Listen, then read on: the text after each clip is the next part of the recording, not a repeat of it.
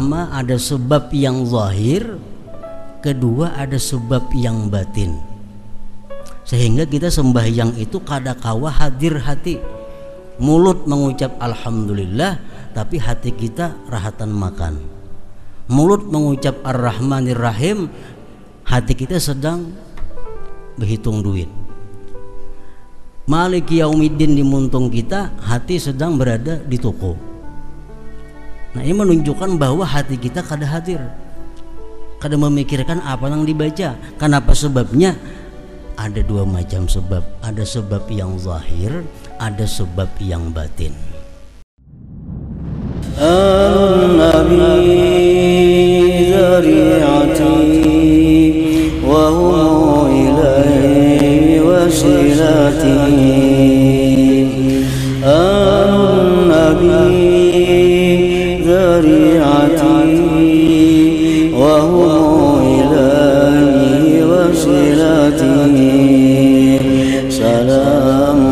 سلام سلام عليكم على النبي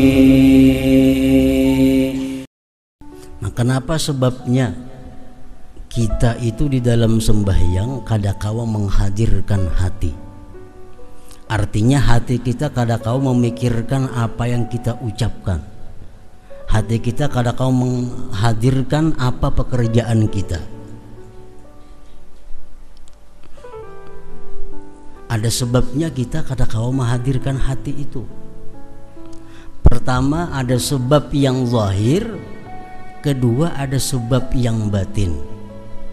Sehingga kita sembahyang itu kadakawa hadir hati. Mulut mengucap alhamdulillah tapi hati kita rahatan makan.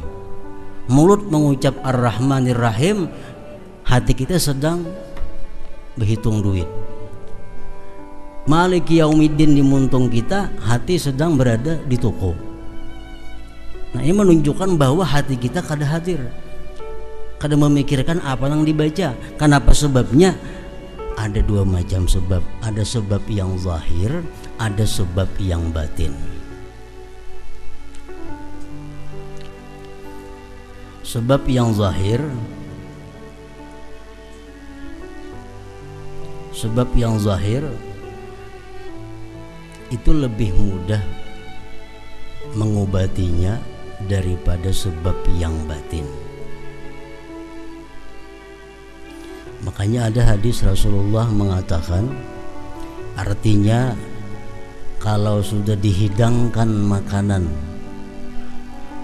dan kamu ingin makan dahulukan makan daripada salat itu. Nah ini yang zahir.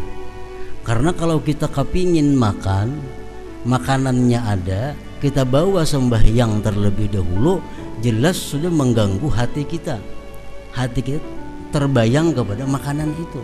Nah, ini sebab yang zahir. Nah, kalau demikian halnya dahulukan makan. Makanya makruh sembahyang dalam keadaan ma'arid qadha hajat. Makruh sembahyang dalam keadaan ma'ariti bakamih contohnya. Kenapa sebabnya? Karena ini mengganggu hati, mengganggu pikiran. Jadi kalau hendak bakamih, bakamih dahulu hanya bawa sembahyang. Jangan diariti sehingga sembahyang itu mengganggu. Sembahyang terganggu pikiran hendak bakamih. Nah ini sebab yang zahir ngarannya.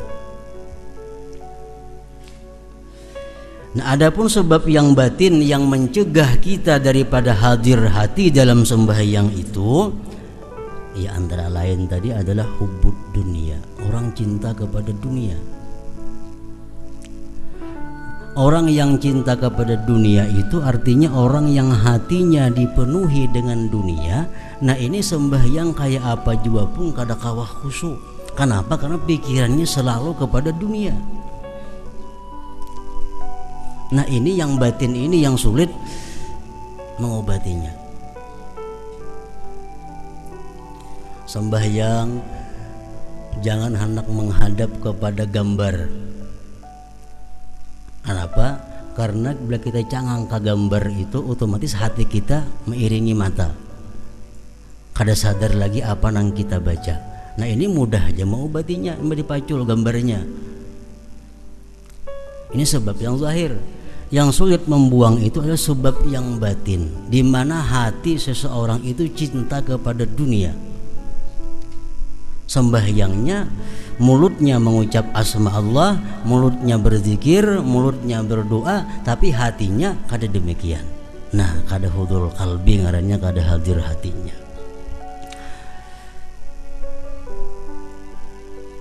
Berapa banyak orang yang mengerjakan salat padahal tidak minum hamar tetapi ia tidak mengetahui apa yang ia ucapkan di dalam salatnya. Bahkan ada yang kada sadar bahwa dia sedang ruku, ada yang kada sadar bahwa dia sedang sujud, ada yang kada sadar bahwa dia sedang membaca Fatihah. Nah, ke mana hatinya? Nah, ini disebut karena kada khusyuk. Jadi orang khusyuk, orang yang selalu tahu keadaannya. Inya ruku, oh, aku sedang ruku. Sujud, tahu sadar aku sedang sujud. Aku sedang di rakaat pertama, aku di rakaat yang kedua. Jadi kadang mau orang khusyuk itu berlebihan sampai yang tak kali rakaat zuhur. Kenapa? Karena selalu tahu aku rakaat pertama, aku rakaat yang kedua, aku rakaat yang ketiga.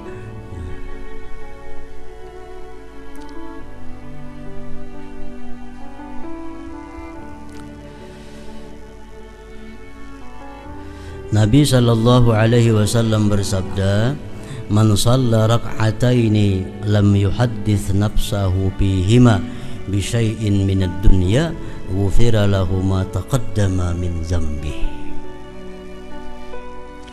Barang siapa yang salat dua rakaat di mana ia tidak berbicara di dalam dirinya dengan sesuatu dari dunia, maka ia diampuni dosanya yang telah terdahulu artinya sembahyang tuh dua rakaat. Kawa kita mulai Allahu Akbar sampai Assalamualaikum. Kawa nah diampuni Allah dosa-dosa kita yang telah lalu. Dalam dua rakaat itu hati kita sedikit pun kada ada ingat dengan dunia. Kada membicarakan masalah dunia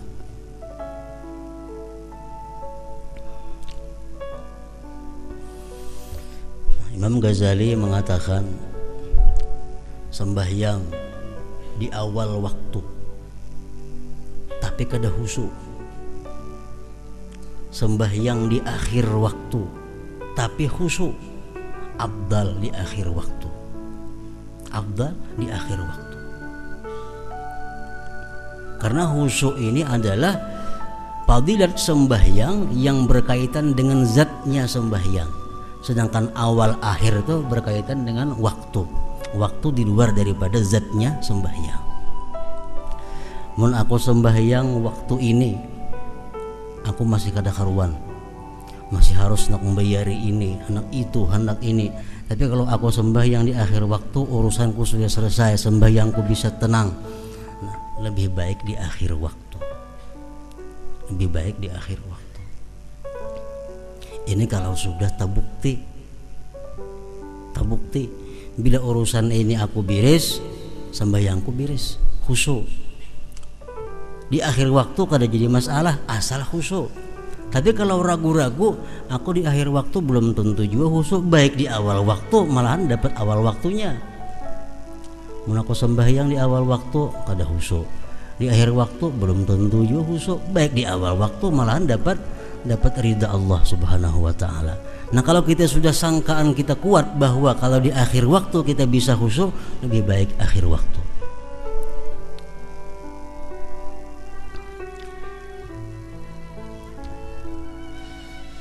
Dan Nabi sallallahu alaihi wasallam bersabda, "Innamas salatu tamaskunun wa tawadu'un wa tadarru'un wa ta'awuhun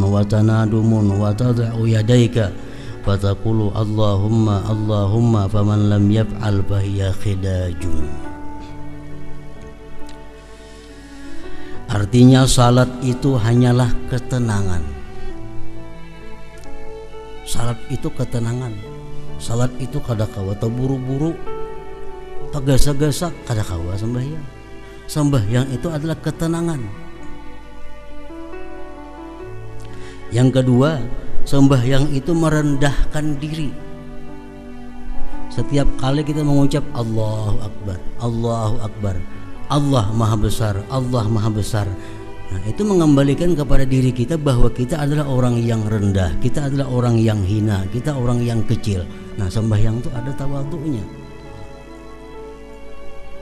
Mendekatkan diri kepada Allah, meratap, menyesal, dan kamu letakkan kedua tanganmu lalu kamu ucapkan ya Allah ya Allah Barang siapa yang tidak melakukan hal itu maka salat itu kurang.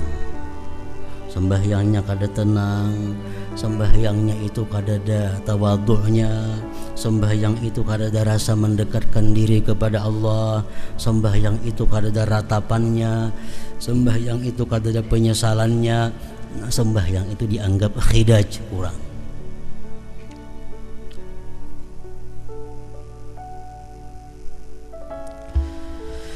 dan diriwayatkan dari Allah, dari Allah Subhanahu wa taala hadis kursi dalam kitab-kitab yang terdahulu bahwasanya dia berfirman tidaklah setiap orang yang salat aku terima salatnya.